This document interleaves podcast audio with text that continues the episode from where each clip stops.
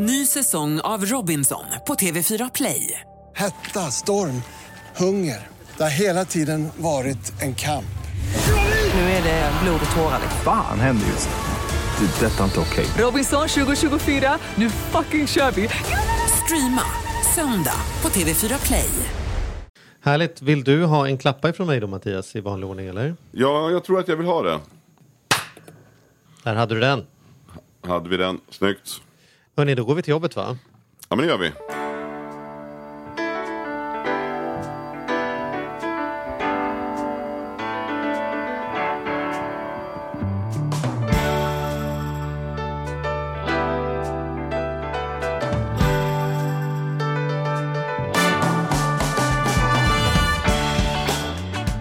Hej och välkomna till Ekonomi på riktigt med Charlie och Mattias. Eh, det är en podcast som vi gör om ekonomi Mattias tillsammans med eh, Saveland. Ja, visst är det så. Det är ju Ja. vi, det är otroligt kul eh, med våran nya sponsor. För det är ju ett, ett intressant upplägg och ett intressant företag.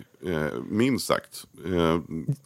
Ett bra, det första är att man ska gå in på savelend.se eh, och, och googla där. Men, eh, eller hur? Det är ju SaveLend som spara låna, alltså man spar sina pengar genom att låna ut dem till andra.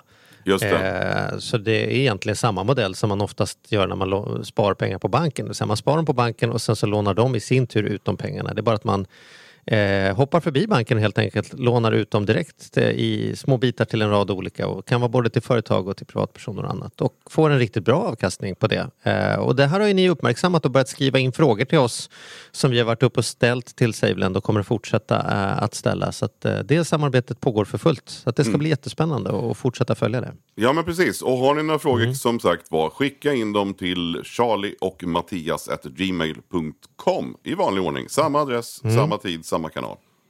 Mm. Jag tror att vi ska göra ett avsnitt också om peer, jag hörde någon, någon kallade det för peer to peer. Eh, det, det, det är så här, uttryck jag har hört allt mer. Det behöver vi nog ta in en peer to peer expert och prata, göra något peer to peer avsnitt. Ja men vad kan du säga om peer to peer då? Alltså peer Nej men det är ju det jag säger. Jag kan, jag kan, ja, inte päron till päron utan Nej precis.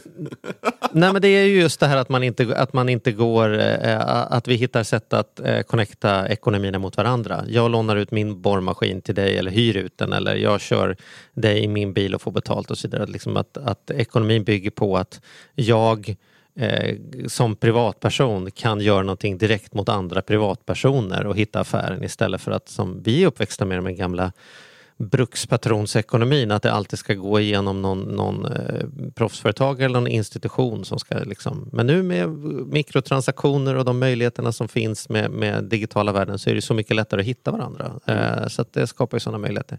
Det var ju min högst lekmannamässig liksom, analys av peer-to-peer. Det Ja, men dyker det är upp bra. i alla fall på en rad ställen. Du, och då tycker jag vi går, det var ju inte päron då, men eh, för att göra någon slags övergång så måste vi, så tänker jag att vi går vi från päron till äpple. Och eh, då inte Apple utan loggan som i paradiset helt enkelt. Så jag tycker vi direkt smaskar på här och välkomnar våran otroligt spännande och driftiga eh, gäst som jag också tycker är som titulerar sig Planetskötaren. Det tycker jag är jävligt stort faktiskt. Så att, eh, varmt välkommen Johannes Kullberg.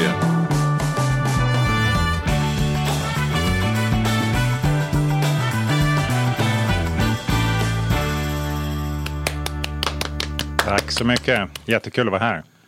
Hur är dagsformen Johannes? Den är ganska bra. Jag skulle säga att den, den eh, fyra dagar av fem är den väldigt bra och sen åker jag ner i, i något dike eh, och sen så hämtar jag upp mig igen. Ungefär Ja. så. Ibland när man ser en långfilm då börjar man ju med så här någon föds och sen så får man följa liksom hela vägen fram och så händer det spännande saker. Men ibland så brukar man också så här man börjar mitt i handlingscentrum och sen back- backar man och säger så här efter den där dramatiska scenen säger man så här 20 år tidigare så får man liksom Ska vi göra en sån här och säga så här varför är det lite upp och ner? Vad är det som pågår just nu? Innan, men vi, innan, vi, innan vi backar till början. Exakt, det, det är en ganska bra grej. Normalt sett så brukar jag vara 99 procent bra. Eh, så att det, det kan tarva en förklaring. Eh, och, och grunden till det här kan man väl säga att den 23 mars så eh, lämnade vi in konkursansökan för Paradiset på grund av en finansiering som jag hade förberett i ett par månader som var klar, klubbad på bolagsstämma och skulle in på banken. Och sen kom corona eh, och då frös den största delen av finansieringen inne. Så att eh, då hade vi inte tid att rädda bolaget. Och vad, för du, du skulle kommit till oss och pratat den dagen. Yes. Och skicka det. Jag kan tyvärr inte för jag måste upp och, och lämna de här papperna. Men, men hur mycket var det liksom ett spel för gallerierna, ditt lugn? Eh, eh alltså, för, förstår du? För att det kan ju låta väldigt olika. Konkurs kan ju vara som så här, ja men det, det är ju som det är. Vet, man, det, det, alla, alla förhållanden, nästan alla förhållanden slutar med skilsmässa förutom en där man dör och då får man ju leva med att det är så. Så tänker man med företag, en del flyger, annat flyger inte. Eller är det mitt livsverk går i bitar och folk kommer skratta åt mig på gatan och tänk om jag blir personligen... Alltså var var du? Eh, nej men jag hade, eh, jag hade haft kanske då, det här beslutades ju på fredagen tror jag veckan innan och lämnades in på måndagen. Så det var ju väldigt korta, eh, kort tidsperspektiv innan. Men jag är en person som jag, jag, lever väldigt mycket i mitt huvud. Jag processar, jag tänker och är ganska snabb. Så att jag, jag går igenom en kris liksom i, i, i, högt tempo och betar av den och sen så börjar jag genast titta på lösningar och, och se kan det finnas någon, någonting positivt med det här? Kan jag lära mig någonting och kan jag utvecklas av det? Vi tycker Men... det är fruktansvärt coolt att få vara med att prata med någon som, som är i den här processen. Man får ju så ofta prata med människor som berättar vad de lärde sig av det där när de för 20 år sedan och nu kan de berätta den snygga historien om hur bra det blev. Så jag vill bara säga att det, känns väldigt starkt och spännande för oss. Vi har verkligen sett fram emot att få höra någon som så autentiskt kan prata om det från orkanens öga. Nu vet jag att det är vissa juridiska förutsättningar som gör att du kan inte säga vad som helst. Så vi ska, vi ska vara duktiga och försöka hålla oss ifrån det. Då. Men, det. men eh, men ändå är det ju ändå starkt att du är ute och pratar om det här eh, som du gör. För det är ju inte det, är inte det vanliga. Det är ju som så här, snabbt in på presskonferensen och sen inga kommentarer. Och så, ja, här är pressmeddelandet, ring inte mig på ett halvår. Liksom. Nej, och, Nej, men... och, precis. Och, och, jag vill bara lägga till här innan då att paradiset som vi pratar om, det är ju alltså som jag tycker var då nu då, då eh, Sveriges bästa mataffär eh, helt enkelt. Vi poddade tidigare på Södermalm och var grannar eh, med vår dåvarande poddstudio. Så vi gick ju alltid och käkade lunch eh, på ja. Paradiset. Ja, och precis. man slogs ju, och jag åkte också ut till Sickla och handlade alltid. För det var ju mag, en magisk butik helt enkelt. Kan inte du Johannes bara berätta lite grann om just Paradiset så lyssnarna vet vad, det, vad är det vi pratar om för konkurs helt enkelt? Ja, men det är bra. Eh, man kan väl säga så här, för ungefär 15 år sedan så var jag på Lidl, eh, den tyska dagligvarukedjan och eh, lärde mig grunderna. Jag, jag började som inköpschef hette det, och blev inköpsdirektör och ansvarade för att bygga upp Lidl i Norge. Eh, och det här höll jag på med i tre år så jag lärde mig mycket om hantverket i dagligvaruhandeln men också en hel del saker som jag inte tyckte var speciellt positivt. Så mm. efter det, det här var jag slutade 2005 och, och, då kände jag att jag ska aldrig mer jobba med mat, dagligvarubranschen i, i, igen. Vad var det du inte gillade som, som gav avsmak då? Att det är eh, dels hur det är en väldigt eh, vad ska man säga, lite smutsig bransch. Man, det, det, är oerhört fokus på, på pengar där man inte tar ett ansvar på det sätt jag tycker man har eh, som eh, handlare. Att jag kan hjälpa konsumenterna att bara lägga bra produkter i mina hyllor. Utan jag säljer vad som helst, bara, bara tjäna pengar på det och bara kan få ut ur butiken. Och det oerhört mycket psykologi i det här. Det är väldigt lätt att få folk att köpa saker som de kanske inte hade tänkt från början genom placering, eh, skyltar, eh, olika typer av exponering. Uh, och, och, det här gjorde mig uh, rätt upprörd. Plus att du då kan till exempel uh, försvåra för konsumenten genom att ta bort e-nummer på innehållsförteckningen och skriva de, de orden istället så det inte ser ut som att det är en massa konstiga tillsatser. Många sådana här saker som jag inte tyckte speciellt mycket om. Sen eh, när jag fick barn, eh, jag hade fått mitt andra barn eh, 2012 och eh, tredje var på väg. 2014 bestämde jag mig att nu måste jag göra någonting. Jag klarar inte att gå och handla i de här klassiska ICA-butikerna eh, där, där jag upplever att jag i princip blir lurad. Och, och, och, och då menar du just det här, bland annat då det här med innehållet och sånt eller att de placeringar eller att mjölken är längst in, de här klassiska grejerna eller vad, hur, hur, Ja, hur menar du att du känner dig lurad liksom? Framförallt så är det ju att eh, det är svårt. Man, man, om, jag tar, om, jag, om jag som handlare vill sälja kyckling Mm. eh, så tjänar jag mest pengar på kanske den här majskycklingen som brukar ligga på 79 kronor för en hel fågel per kilo. Eh, och, eh, om jag vill sälja mycket av den, då lägger jag en billig fågel bredvid som är ganska uppenbart eh, en, en sämre produkt. Och sen så kan jag lägga en betydligt dyrare fågel bredvid. Och ska man vara riktigt jävlig, vilket man var på den här ICA Maxi Lindhagen som ligger nedanför gatan där vi spelar in här nu. Då sätter man bara dit en prisskylt på en ekofågel eh, som då kostar 120 kronor kilot på den tiden. Och det gör att jag som konsument, fast jag hade tänkt att välja ekofågeln om den nu fanns där, så upplevs den som betydligt mycket dyrare. Den är fyra gånger dyrare än den billigaste fågeln. Och eh, den eh, majskycklingen i, i mitten som jag inte hade tänkt att välja framstår som ett prisvärt alternativ. Och där har jag som handlare mest kronmarginal som det kallas för, alltså mest pengar som jag kan tjäna på att sälja den här fågeln. Och det är ett väldigt enkelt sätt att få folk att göra som de inte hade tänkt från början, där jag som handlare tjänar mer pengar. Och det här stör mig. Och vi idag har väldigt stressade liv. Eh, framförallt så ehm, om man säger att det är vanligt att kvinnorna handlar, vilket det ser ut i, i, i, den, i dagligvaruhandeln framförallt, så är det kvinnorna som styr handlingen. Eh, de, man har lite tid, man går in och ju fler val du har, ju större är sannolikheten att du kommer att bli lättare att lura. Och, och ju fler val du har, ju, ju, ju svårare blir allting. Så att mitt koncept byggde egentligen på att göra det enklare för konsumenten att göra bra val. Ta bort skitprodukterna som jag tycker inte borde säljas. Eh, ta bort den billigaste fågeln, eh, men kunna ha ett, ett bra prisvärt alternativ och sen kanske en, en em, ekologisk produkt. Men när du har färre punkter att jämföra med, då kan du faktiskt välja det som du hade tänkt från början. Det här gäller frukt och grönt, det gäller alla kategorier. Och sen bör, tycker jag inte man bör sälja produkter som innehåller tillsatser som är eh, skadliga för oss människor. De, de bör inte säljas. Och det här är ju en definitionsfråga eftersom alla tillsatser är godkända av Livsmedelsverket. Men grunden är att de behövs inte i riktig mat utan de behövs om det ska vara en produkt som ska vara billig att sälja, kunna ligga extremt länge på hyllan Eh, och eh, i princip smakar likadant för konsumenten när man äter den.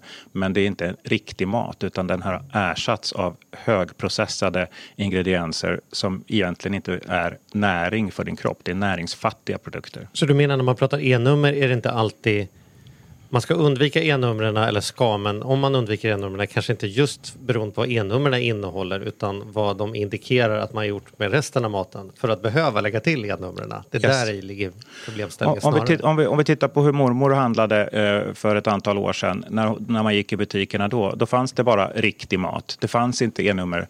Eh, det blir kortare hållbarhetstid på det och det kan i, i sig föra med ett problem vad gäller matsvinn och så vidare. Men riktig mat behöver egentligen inte de här tillsatserna, eh, utan det har man för att maskera eh, andra brister som eh, där du har tagit bort liksom, en, en, en sämre råvara. Då måste du kompensera den med smakämnen, färgämnen, konsistensgivare och så vidare. Kan du ge ett exempel, någon sån här produkt som typiskt är, Den här skulle bara kunna vara vad den är men sen har man krånglat till det i absurdum.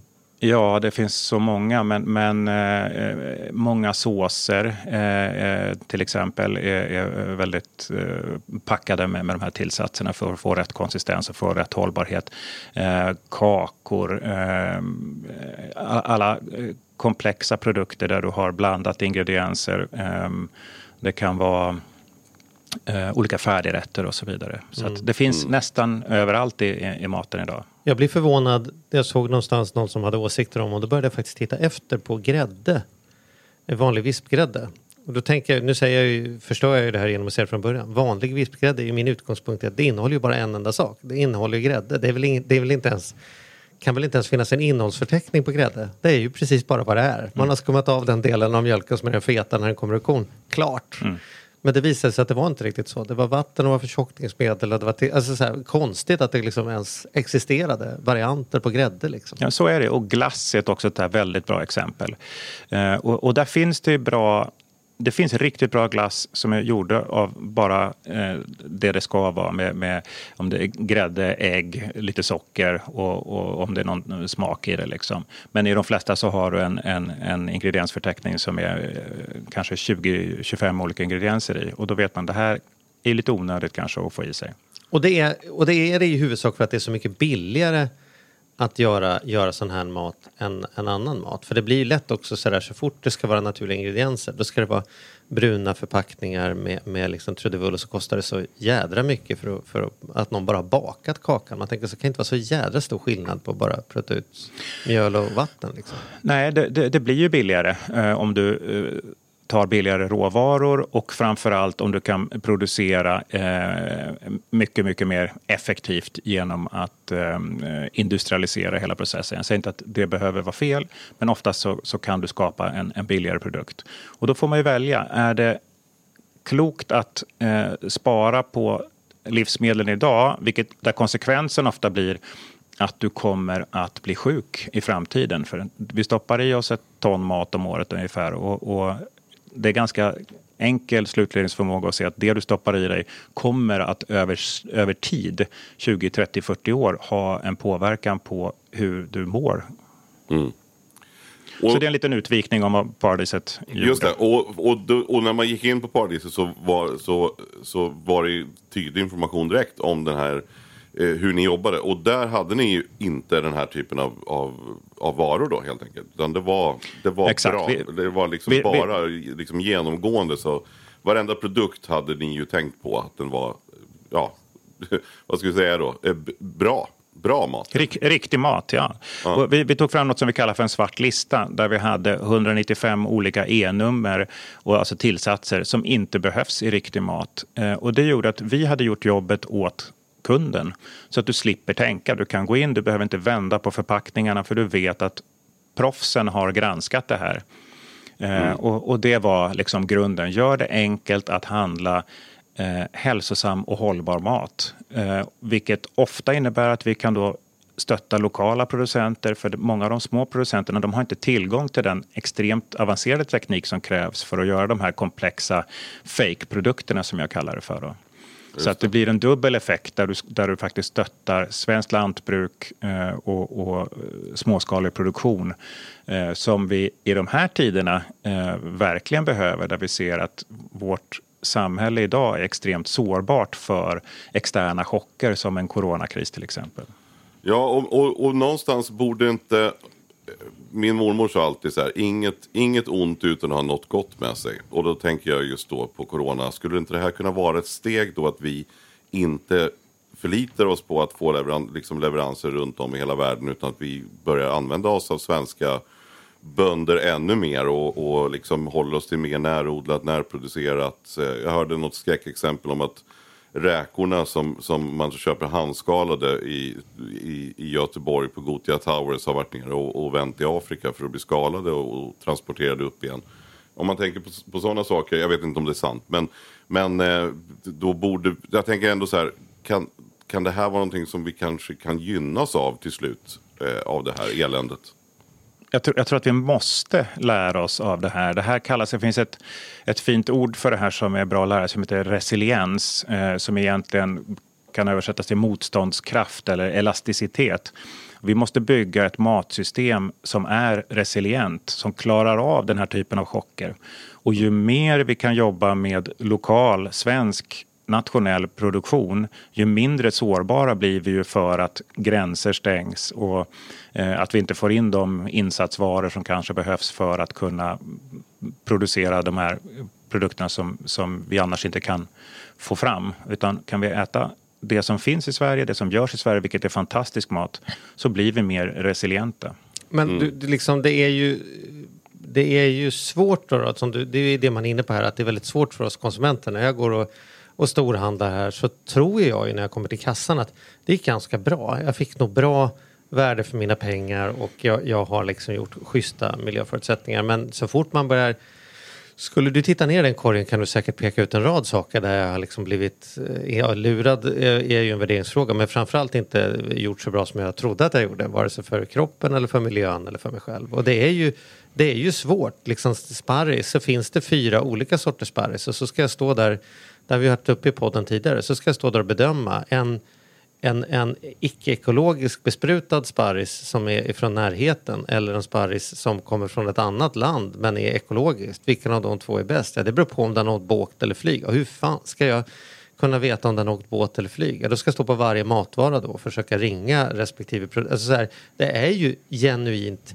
jättesvårt att lista ut egentligen vad är det jag går hem med och gick det bra eller gick det dåligt? Och, och, och det är precis det här jag menar. Det, det är ju det som i min värld bör vara ansvaret för handlaren. Att man har en sorts lägstanivå för eh, vad man tillåter sig att sälja. Man tar ett ansvar för det som eh, man, man erbjuder i, i butiken. Um, för det här är enormt komplext eh, och, och, och, det finns, eh, man kan nörda ner sig hur mycket som helst. Ehm, men utmaningen som vi har i Sverige är att vi har ett väldigt litet antal dagligvarukedjor. Vi har en, en dominant i form av ICA som har mer än halva marknaden. Sen har vi Axfood och Coop eh, och Lidl som, som kommer upp. Och that's it i princip. Mm. Mm. och ICA och Coop har funnits i över hundra år. Eh, det har skapat att, att bygga beteenden är någonting som tar tid. Och eh, i, i många fall så är du en ICA-kund eller en Coop-kund om vi tar de två som exempel. Eh, och du, du gör så som du alltid har gjort och du litar på att det som finns när jag kommer in kommer att vara schysst. Så man tittar inte ens på, på liksom, eh, ja, du litar på, på, på grejerna helt enkelt. Och, och, det ansvaret som man har då som handlare tycker jag, nu ska, det finns det väldigt många bra handlare också ska man lägga till. Det är inte så att alla är, är dåliga, men jag tror att alla kan försöka att behöva lyfta sig eh, en aning. Men att kom, de komma in som ny spelare på den här marknaden då som, som Paradiset gjorde är ett oerhört tufft arbete för du behöver gå emot ett invant beteende. Att istället för att gå över gatan till din ICA-butik så måste du kanske gå 300 meter till paradiset eller vad det nu är för någonting. Där du dessutom kommer in i en miljö som du inte känner igen. Eh, du hittar inte alltid de varorna du har sett tidigare och det gör att du blir försiktig eh, och genast också tror att allting per definition är dyrare i butiken även om vi om man sen då tittar på, på den samlade korgen, i många fall har samma priser som en, en ICA eller Coop. Men i vissa fall naturligtvis har produkter som är dyrare för att vi inte säljer de här allra billigaste produkterna. Men man har gjort någon samhällsresa här tänker jag. Att jag är ju uppväxt i ett samhälle där, där typ vita bönor var så här, det var Coop och det stod på riktigt bara vita bönor. Det fanns inte ens ett varumärke, liksom blåvitt. Den fantastiska världen där det fanns en vara. Toalettpapper och toalettpapper, punkt slut. Och sen kom den här liksom internationaliseringen och, och liksom amerikaniseringen och det bara exploderade. Helt plötsligt kan jag välja på liksom 14 sorters strössel och man liksom mäter välstånd i hur många olika sorters strössel vi har. Eh, och så blir vi bortkollade som konsumenter i det där men ändå eh, ha någon så här vi har ju pratat i om fondkatalogen. Liksom. Människor ska välja PPM-fonder och får liksom ut en halv telefonkatalog. Och så tar Ålandsbanken hem de flesta kunderna för de börjar på AA och folk orkar inte gå med den första sidan innan de väljer.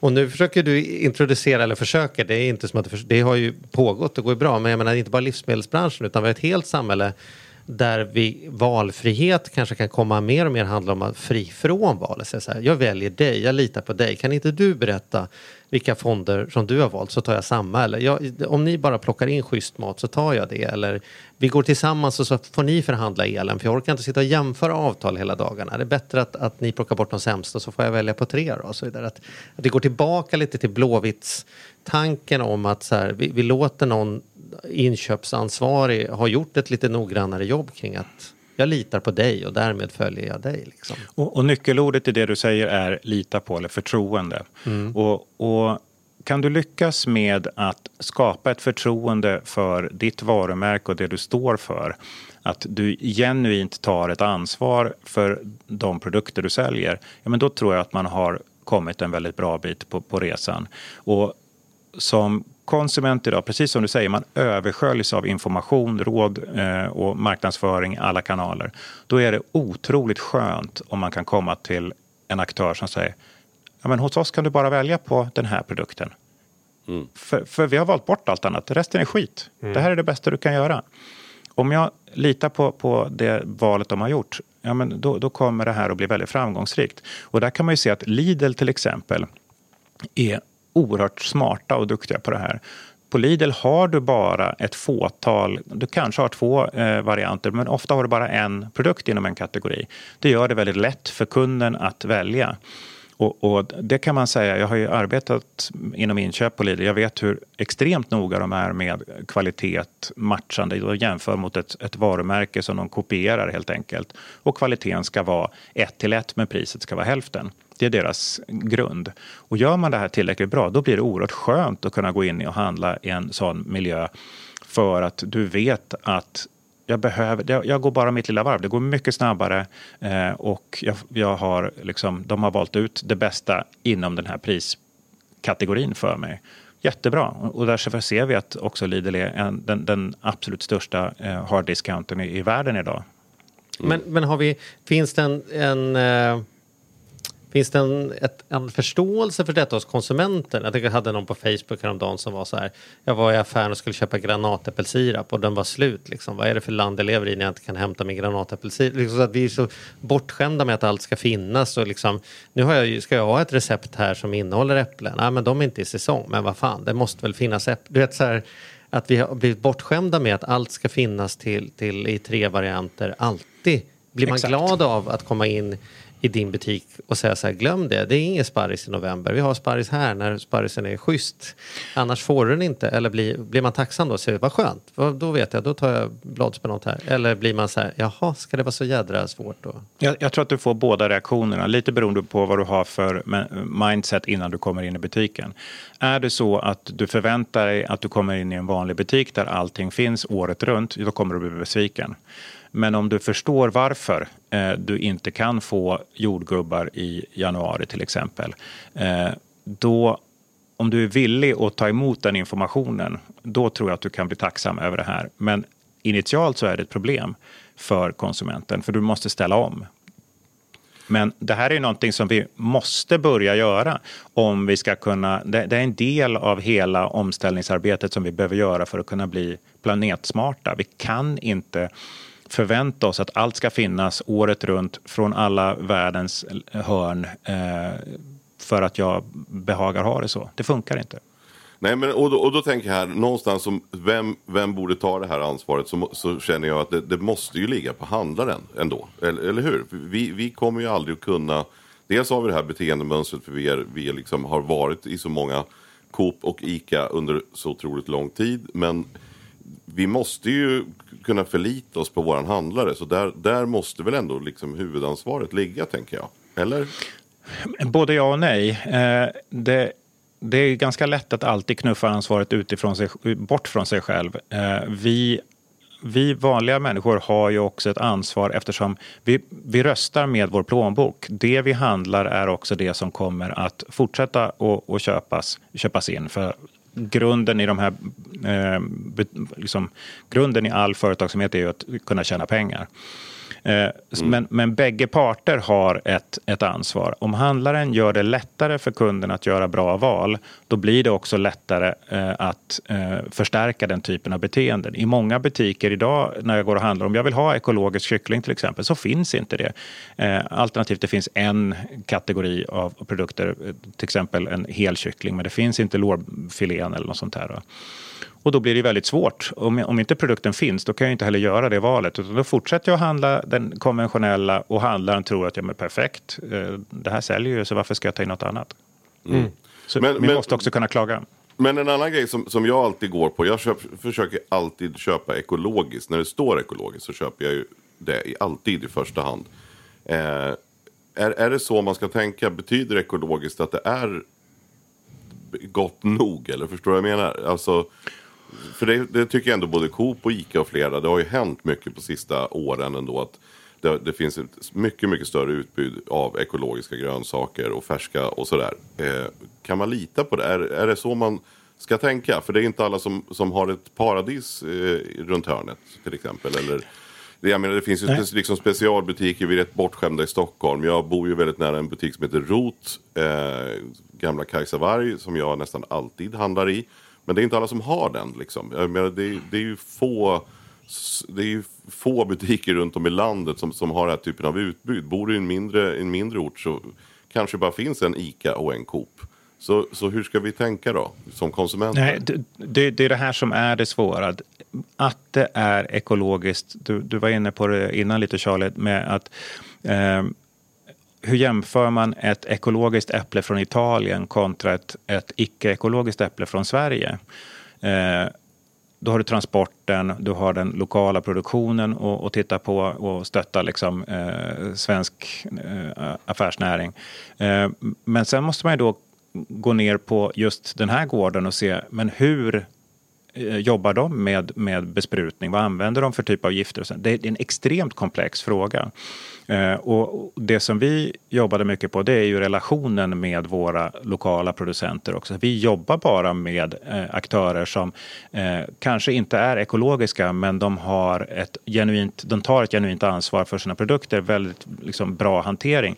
Ja, men då är det ju alla dagar i veckan bättre att välja ett svenskt äpple än ett italienskt ekologiskt äpple. Men det, det, det kräver kunskap hos handlaren i det här fallet som omöjligtvis kan läggas på, på konsumenten. Så att det är det här som är balansgången. Det är både handlarens ansvar men också konsumentens i vissa fall att, att, att välja. Men det måste vara mycket lättare för konsumenten att välja. Det här låter ju jättesvårt. Vi hade ju ett, ett samtal för kanske ett år sedan. Med- Gud, det här gör verkligen kalenderbitar. Vi hade ett tidigare ett möte med utmanare till till SJ med tågtrafik mellan Stockholm och Göteborg och så vidare och pratade om hur enormt mycket pengar det krävs för att liksom konkurrensutsätta någonting som mer eller mindre kan anses vara ett monopol även om det inte är ett monopol.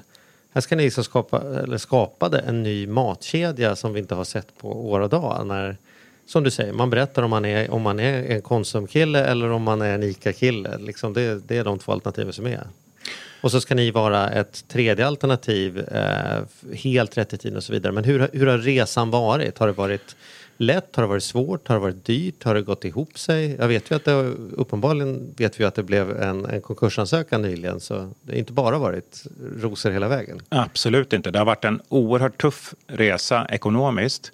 Eh, men av lite olika skäl kan man säga. Och, och ett, ett av skälen är att det tar tid när man bygger någonting från grunden.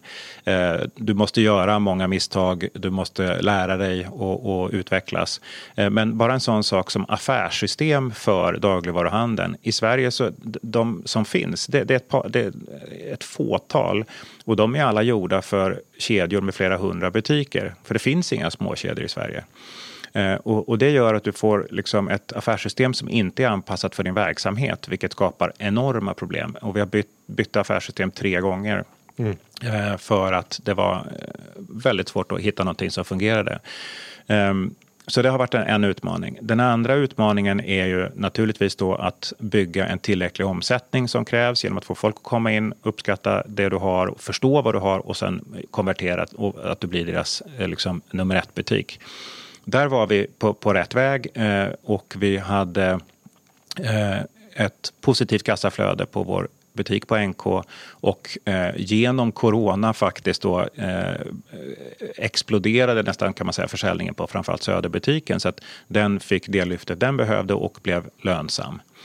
Eh, men, men resan från noll till idag har varit väldigt, väldigt tuff. Man får eh, liksom hitta nya lösningar, lite trolla med knäna för att eh, ta sig framåt. Men det har också varit extremt lärorikt och, och eh, underbar personal, underbara eh, gäster som vi säger också. Så att, jättespännande men, men eh, tufft så det knakar om det. Hur har du finansierat detta? Jag gissar att du inte sen du slutade på Lidl bara har samlat på dig tillräckligt mycket pengar själv för att starta mat, Nej, I wish. Ja. Eh, hade, jag, hade jag velat tjäna pengar då hade jag varit kvar på Lidl för det är få ställen man tjänar så mycket pengar på som, som där eh, om du är en högre chef. Men eh, nej, utan jag har eh, presenterat det här konceptet för personer som jag har eh, lärt känna under åren eh, och på det sättet tagit in kapital framför allt. Sen hade vi vissa banklån och, och eh, Almi-lån men, men framför allt har det varit via eh, privatpersoner som har en e egen förmögenhet och har velat stötta det här konceptet. Mm. Mm. Men ni gick ju också ut, var, var det två år sedan kanske, eh, som man, ni gick ut och eh, när man kunde gå in och stötta, alltså vi vanliga konsumenter, för det, det var ju jag då. Eh, och det här var ju, ja men är det inte ungefär två år sedan?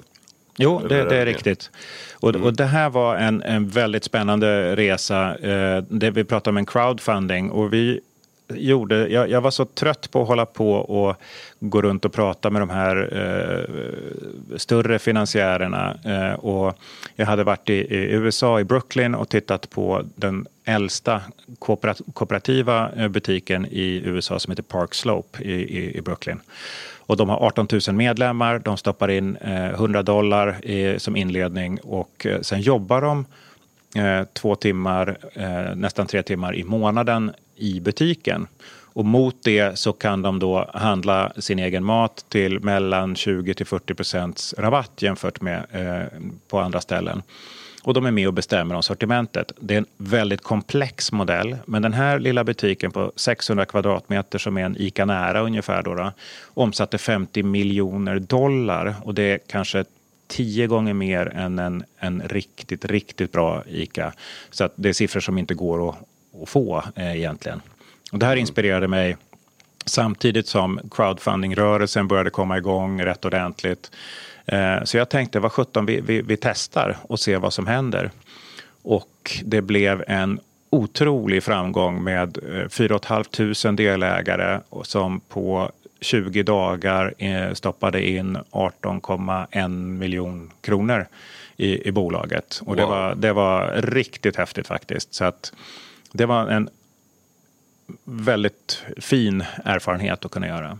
Jo, men för min erfarenhet är ju ofta så här att vi, vi är ju vana att inte vilja betala för så mycket. Vi, vi, vi ser om våra grejer och vi, vi har blivit bortskämda med, om man tittar på musiktjänster till exempel, att man, om man är med i Spotify eller Apple Music eller vad det nu är så betalar man, jag menar, förr betalade man ju 150 spänn för, för 12 låtar och fick en CD-skiva. Nu betalar man liksom 100 spänn och får 12 miljoner låtar. Eh, och sådär. Men sen upplever jag där, där, att när man väl är inne på saker så tenderar vi ju ändå att vilja vara med och stötta. Vi är ju väldigt ett generöst folk på det sättet. Och man kan, när man går in och, och särskilt i dessa tider återigen då om man går in och tittar på vissa musiktjänster eller folk som jag det var en kul grej. Jag såg någon, någon, någon trubadur ifrån, ifrån Vemdalen eh, som pluppade upp på Facebook och stod på sin altan och, och, spelade. Och plötsligt då så var det någon som frågade så här, kan vi swisha in lite pengar och sen så, så satte det där igång och det spred sig och under tiden han spelade så, så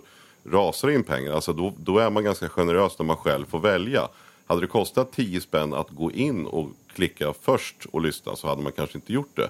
Men jag upplever ändå att vi, vi är, och det kanske det hit vi måste komma nu, just eftersom jag också jobbar mycket med, med artister och inom, inom media sådär, att vi måste kunna ta, börja ta betalt för digitala upplevelser. Vi hade Per Schlingman här i podden för, för är det tre veckor sedan nu då, eh, fyra kanske. Och vi pratar just om det här. Men, men det jag vill komma till är, så måste det ju varit lite så för det också att det måste vara häftigt att se hur, hur generösa när man, man kan vara när man upplever att man själv fick välja om man vill eller inte. Liksom. Eh, Absolut. Kan det här vara någon modell tänker jag? För det var ju en skithäftig grej. Det, där, det var ju innan, innan vi kände varandra Johannes och jag reagerade och det var många runt mig som pratade om det här. Så här fan vilken cool crowdfunding-grej som de har gjort på Paradiset. Liksom. Det var ju en, upplever jag, en marknadsföring i sig också. Eh, och sen var man med då och, och, betalade ganska lite för att få en bra rabatt. Yes. Nej, jag, jag tror att vi, vi lärde oss extremt mycket av den eh, kampanjen. Vi gjorde en till eh, ett år senare där vi inte alls förberedde oss på samma sätt. Vi hade strul med den plattformsprovidern som vi använde oss av eh, som gjorde att vi, vi hamnade i tidsnöd och, och, och då gick det käpprätt åt, eller det, det, kan jag inte säga, men det, det, blev ingen större succé den gången i alla fall. Så att det gäller ju att göra det här rätt, men jag tror att vad, om man ser vad jag vet idag och, så tror jag att det här med en att använda nätverksekonomi och, och, och, titta på hur kan vi tillsammans gå ihop och stötta initiativ eh, genom att bidra antingen ekonomiskt eller med, med, andra tjänster så tror jag det är en jättespännande eh, trend som kommer att komma för att bygga det här med, som vi kallar för resiliens. Att, att skapa, att vi kommer närmare vår eh, relation till mat till exempel som är helt central i våra liv. Att vi börjar förstå var maten kommer ifrån, att vi kan återknyta den kontakten. Det tror jag är jättespännande. Och har jag då ett litet ägarskap i det lokala jordbruket eh, så kommer jag börja förstå att vänta nu, det blev en varm sommar så att jag kommer inte få mina morötter som jag hade förväntat mig. Men jag delar den sorgen och risken med bonden. Och blev det en bra sommar, ja, men då fick jag fantastiskt fina grönsaker till exempel. Så att man får en mycket större förståelse för hur utmaningarna som de här hjältarna faktiskt sliter med varje dag.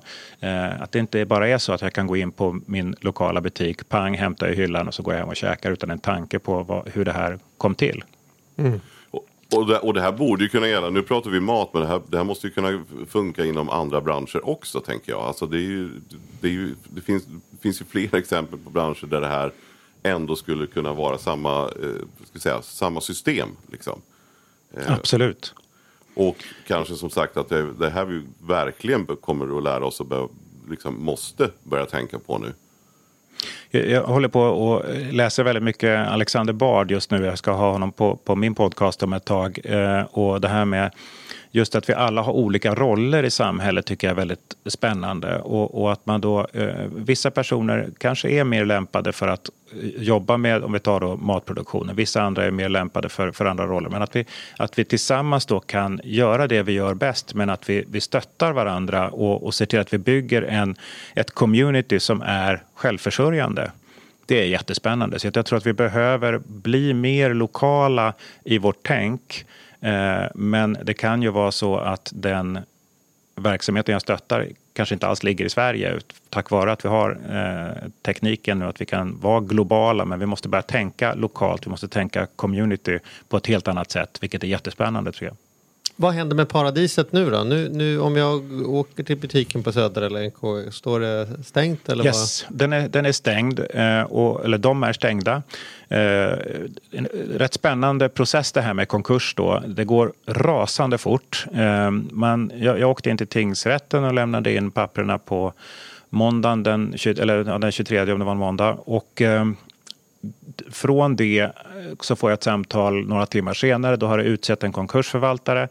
Eh, butikerna stängdes dagen efter. Eh, och sen eh, har man 24 timmar på sig att förbereda en utförsäljning så att ingenting ska gå förlorat. Och på tre eller fyra dagar så är butikerna helt tömda på produkter. Och här ser man ju också lite vad, hur inställda vi svenskar är på det här med eh, när det är rea. Då jäklar, då, då bryr man sig inte om corona eller någonting. Utan det var ju köer i, i liksom, eh, hundratals meter utanför butikerna. Blir man, Och- inte, bli- blir man inte lite här, blir man inte lite Bitter. bister? När, när man, här har man kört liksom och man har inte sett röken av folk och sen när man har en utförsäljning då, då jädrar. Det måste, Jo, ju, nej, måste det- vara en det- konstig det- känsla liksom. Det, är klart att man tycker att det hade varit så lite som behövdes. Nu som sagt så, så, så gick butikerna eh, åt rätt håll men det har ju hela tiden varit en utmaning att man inte har tillräckligt med, med, med besökare. Så att, eh, men, men hänger upp en, en rea-skylt då, då, då kommer folk. Och, och det är lite sorgligt men det är också väldigt förklarligt för att Tittar man på, eh, jag såg en analys av all reklam som sker i dagligvarubranschen i Sverige idag så är det någonstans 98-99 procent som fokuserar på pris och inte på kvalitet. Och då, vi svenskar har blivit hjärntvättade på att leta lägsta pris. Eh, och det är därför med fenomen som GKs vilket, och, och, och varför Lidl kan gå så bra. För att de, det är deras affärsidé. Så att här har ju ICA och Coop servat eh, upp bollen och kommer Lidl och smashar. Så, Men, men ja, precis. Och, men, och, och det är så till den milda grad att många butiker kör ju rea på produkter som inte är, alltså på, på ett olagligt sätt så finns det ju många Absolut. kedjor och butiker som, som, jag menar, ett reapris får ju inte pågå under hur lång tid som helst till exempel. Och, och det här Eller att man jag- höjer priset först för att sen kunna sänka det som rea till det det redan var från början. Liksom. Ja men precis, det är ett jädra tj- tjat om, om eller har varit, och många som har missbrukat det här bland, bland olika kedjor. Liksom, så att det, Och det här, är är, som det du här är allmänt känt. Ja. Det, det, det här är allmänt känt i, i, i dagligvarubranschen också. Att när du har sett, eh, jag ska inte nämna några namn, men, men om en, en kedja går ut och säger så här, nu har vi sänkt priserna på 3000 artiklar. Då har man månaderna innan smygit upp priserna för att sen kunna höja dem. Så att eh, i slutändan så, så, så var det ingen eh, sänkning, men du får en bra PR-effekt av det. Fan vad irriterande. Fan, vi är ju lurade alltså. Vi är ju, det är ju otroligt irriterande att höra det här. Även om man någonstans vet det så, så blir jag, jag blir förbannad när jag hör det här egentligen. Att, det, Ja. att det här pågår runt oss hela tiden. Ja, nej, så, så är det. Men, och som sagt, men det är inte bara dagligvarubranschen utan det här förekommer nej, i alla, alla branscher. Men, men visst blir man irriterad när man ser det. Och för mig i min roll så är det ju väldigt svårt att prata om det eh, offentligt också för att då, då blir jag omöjlig att ha att göra med i, eh, om jag sen på sikt vill sälja produkter till de andra aktörerna så, så måste jag vara eh, lite försiktig med, med vad jag säger. Och det, så är det ju tyvärr. Men du, Mm. du pratar om, om en framtida roll. Vad händer? Vad, kommer det bli ett Paradiset 2.0? Om du ska, jag vet att du inte kan uttala dig om vad som helst hur som helst. Men, men ska jag bli förvånad om, om butikerna skulle öppna igen med samma skylt? Eh, Eller är, är det en tänkbar utgång? Eller var, var är vi någonstans? jag, jag kan ju prata om en vision som jag har, och, och, eller ett mål. Och, och sen så, så är ju flera av de här sakerna ligger utanför min kontroll eftersom just nu så ägs varumärke och eh, övriga tillgångar av konkursboet. Eh, men en ambition som, som jag har naturligtvis är ju att försöka öppna eh, en butik och få tillbaka varumärket. Det, det är min, min målsättning, men sen får vi se hur, hur det går. Du har inte gett upp affärsidén i alla fall? Säger så. Absolut inte, utan jag, jag tror ju, jag är väldigt duktig på att misslyckas. Jag, jag, jag är inte rädd för att misslyckas. Jag har en ganska amerikansk inställning tror jag i mig där det inte är fult att misslyckas. För har man inte misslyckats så har man heller inte utmanat tillräckligt mycket. Eh, eh, det, det är ju ett sätt att kanske försköna för sig själv eh, ibland. Men så länge som man misslyckas eh, med saker som inte man gör för att man är korkad utan för att man försökte och visste att det var tufft. Då tycker jag det är, är bra. Jo Eh, men, men men- det är väl inget och, och det är väl också sanningen för det, där vet jag skillnaden och det är väl fram, framförallt i USA som är förebilden där att har man, har man genomgått en konkurs så ligger man bättre till när man ska ansöka om lån och annat om man jämför med i Sverige där man nästan är, är liksom, får näringsförbud och blir uthängd och, och allting. För är det, någon, är det någon som har en erfarenhet är väl de som har gått igenom någonting som är tufft. Eh, tänker jag. Så borde det ju vara. Ja, absolut, jag kan ju säga det att eh, jag har, det ser inte de som lyssnar nu, men jag har lite olika tatueringar på kroppen och framförallt har jag en på min eh, vänsterarm som eh, är en symbol för mig att eh, jobba stenhårt eh, och ehm, lära sig av misstagen för då kommer belöningen komma eh, i, i slutändan. Ehm, och, och det här tror jag väldigt mycket på. Och, eh, att göra en konkurs så här, det, det som händer i mitt huvud det blir ju att försöka att aldrig göra om den typen av misstag som satte oss i den här situationen. Det vill säga att vara beroende av externt kapital eh, i en eh, volatil marknad om man säger så. Då. Så att det jag kommer att göra nu kommer att ha extremt hög fokus på kassaflödespositiv verksamhet från i princip dag ett. Eh, och, och är det inte det, då måste jag undersöka, är risken värd att ta? Kan jag täcka den på något sätt så att jag inte hamnar i den här situationen igen? Just det, men, men du känner väl en, en ganska duktig advokat om jag inte minns fel va?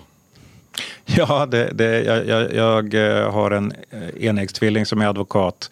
Eh, nu jobbar ju inte han med eh, den här typen av, av frågor, men, eh, men han är ett bra stöd i, i alla fall. Han har också investerat en hel del pengar i Paradiset. Så att, ehm, Jo, eh, jag måste säga när vi såg för att det är ju inte för att man, eh, för Martin som din bror heter, han, eh, Han, ja, men ni är ju, man kan ju säga att ni är rätt lika om man säger så. Och man har ju Ja, sett dig, jo. jag trodde jag hade sett dig prata eh, om tuffa brottmål i, i nyhetssoffan. Men det, så var det ju inte, det var ju inte du. Nej, och han är, han är på Efterlyst eh, sen jag tror det är fyra år tillbaka. Så att jag, jag ser ju väldigt lätt när jag går på stan om det är någon som hejar om det är en Paradiset-kund eller om det är en eh, advokat Kullberg-kund, eh, om man säger så. Ja, det måste vara kul för honom också att få höra att han har så himla sunda varor i sin butik. Det är ganska långt Exakt. ifrån, ganska långt ifrån eh, olika tjänster. Ja, nej, men, är, eh, har man en tvillingbror gäller att den gör bra saker då, så att man, så att man blir, inte blir nedslagen på stan utan hejad på på stan. Ja, exakt. Nej, jag, jag är väldigt trygg med det. Han, han, har, eh, han är oerhört eh, duktig och framgångsrik i det han gör. Så att det är, där känner jag mig väldigt trygg. Ja, det låter bra. Men, men åter då, den här visionen, vi måste tillbaka till den då, eh, som du har. Hur, hur, hur, hur blir det nu då om du får titta i kristallkulan? Eller du behöver inte titta i någon kristallkula, du får titta på vad som, vad som är rimligt. Nej, men det, det som jag ser är ju att det vi har lyckats skapa på de här fem åren är just det som vi var inne på tidigare, ett förtroende för ett varumärke. Och vi, vi var redan på gång med att eh, ytterligare utveckla egna märkesvaror som uppfyller alla de här kraven som jag tycker man kan ställa på riktigt bra produkter. Och, och eh, att kunna komma ut med produkter i hela Sverige, kanske i andra länder också. Det är en, en, en vision, ett mål som jag har. För kampen att bygga en egen dagligvarukedja, det kostar för mycket, det tar för lång tid. Eh, min, min personliga drivkraft är inte primärt att, att tjäna pengar. Pengar är en biprodukt för att kunna hålla mitt boende och min familj igång. Det är viktigt. Men mitt, min absolut största drivkraft är att skapa en positiv förändring så att mina barn kommer att ha en bättre planet att bo på. Och, ehm, och då måste jag titta på, okej, kan jag utmana ICA Coop Axfood-gänget? Nej. Kan jag samarbeta med dem och försöka göra deras butiker bättre? Ja. Eh, kan jag tillsammans, eh, inte bara genom mina produkter, men kanske också eh, lyfta upp viktiga frågor på agendan i, i Sverige och utomlands där folk förstår bättre hur de kan kravställa, varför de ska ställa krav på, på handlare och på politiker och så vidare. Ja, men då gör jag skillnad på ett positivt sätt som inte riskerar att jag får gå från hus och hem. Mm. Och hur ska du göra det då? Ja, eh, de, delar, först och främst så måste jag då lyckas få tillbaka mitt varumärke och, och de- den delen får vi då lämna därhän. Eh, men, men sen är det, jag har ju byggt egna produkter sen jag började på Lidl. Där tog jag fram över 200 eh, produkter under 20 egna märken som jag skapade, vilket var fantastiskt roligt. Eh, och ehm, jag har ett team eh, som är fenomenalt duktiga. De bästa i branschen som kommer från eh, olika håll i, i, i världen. Um, och tillsammans så är ambitionen att få ihop det här gänget igen och sen eh, sätta högsta fart när, om vi får möjlighet att göra det. Och då finns det olika marknader man kan titta på som är jättespännande. Men som sagt, det får vi återkomma till. Men grunden är att ha en butik som är det här levande skyltfönstret där du kan gå in och uppleva varumärket och förstå vad är det här för någonting. Och utifrån det kunna eh, jobba med produkter och sen podcast och sprida kunskap och information. Ja, vill man veta mer om hur du, hur du tänker och hur det går och vad, hur resan har sett ut fram hit så, så finns det en podd om detta med dig i centrum som vi kan passa på att göra lite reklam för. Ja, inte med mig i centrum, utan det är Ja. gästen i centrum. Men podcasten heter Vägen mot paradiset. Och, och den har jag drivit i lite drygt ett år, där jag varje vecka träffar det är forskare, det är läkare, det är eh, kockar, det är atleter, det är politiker och entreprenörer.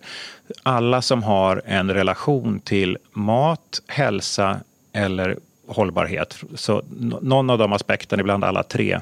Och där vi går igenom olika teman som jag är väldigt nyfiken på eh, för att utbilda mig själv och utbilda de som lyssnar. Och, och det här är, det är något av det roligaste jag har gjort kan jag säga faktiskt. Det är fenomenalt spännande att få sitta med de här oerhört kloka människorna och, och diskutera ett specifikt ämne under en timmes tid. Mm. Ja, men det fattar vi. Det är det kan vi något, är det något vi, ja verkligen, är det, är vi helt med på. Och 110 avsnitt har du kommit upp i, så att herregud, du ligger lite efter Ja. oss, men eh, fan. Ja, och det- är lite fake blir det då för att många av dem är, det blir det, det, vi är på 61 idag tror jag, men det är för att vi har haft kortversion och långversion version, och då blir det fler avsnitt. Men, men så varje vecka i 61 veckor har vi kört. Ja, grymt. Det är Ja, fantastiskt. det är imponerande. Men-. Och jag har missat denna podd. Så det ska, och det, hållbarhet och matfrågor och hälsa är ju alltihopa jätteviktiga frågor för mig. Som är inte bara viktiga utan dessutom kul och intressanta. Så att, eh, det fick jag lite lyssnartips här. Det är perfekt. Men jag vill, jag vill ändå bara avsluta, vi var, vi var inne på det förut, men jag vill bara få en sista, en, en, en, jag har en sista fråga. Och det är just då, hur då ska vi nu tänka när, när vi inte har ett paradis att gå till? Eh, och för alla som, som bor i mindre, mindre orter där det som jag sa kanske bara finns en Coop och en Ica runt om i landet. Eh, hur ska man då, hur ska vi göra då som konsumenter? Finns det någon så här enkel regel i alla fall? Man kanske inte kan göra allt rätt och vi kan inte kolla ner hur bönderna gör och vilka som är leverantörer. Men ska vi tänka, är det ekologiskt? Är det så man ska liksom, så här, om du bara ska ge något snabbt tips då innan, ja, förstår Ja, du vad jag menar? jag, jag tror, jo, men ekologiskt är nästan alltid en, en bra väg att gå. Eh, har man en, ett lokalt, en lokalt producerad produkt eh, som, man kanske, som kanske finns i bygden eller man känner till, då tycker jag att man ska antingen köpa den i butiken eller be butiken att ta in den så att man stöttar den lokala produktionen. Det tycker jag är viktigt. Eh, och grunden kanske att inte alltid gå på lägsta pris utan eh, också fundera på om man vänder på förpackningen och tittar hur lång är den här innehållsförteckningen. Har den mer än fem ingredienser som grundregel om det inte är en sammansatt produkt då, då ska man nog eh, kanske fundera på att avstå.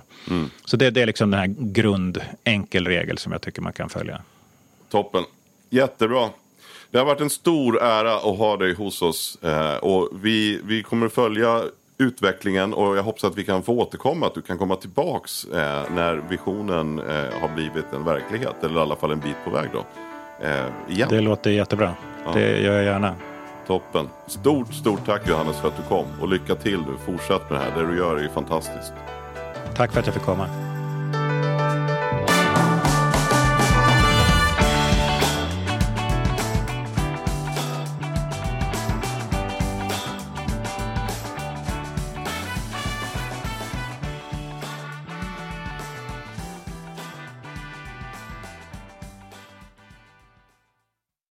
Ny säsong av Robinson på TV4 Play.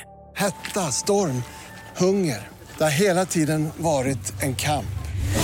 Nu är det blod och tårar. Fan händer just nu. Det. är Detta är inte okej. Robinson 2024, nu fucking kör vi! Streama söndag på TV4 Play.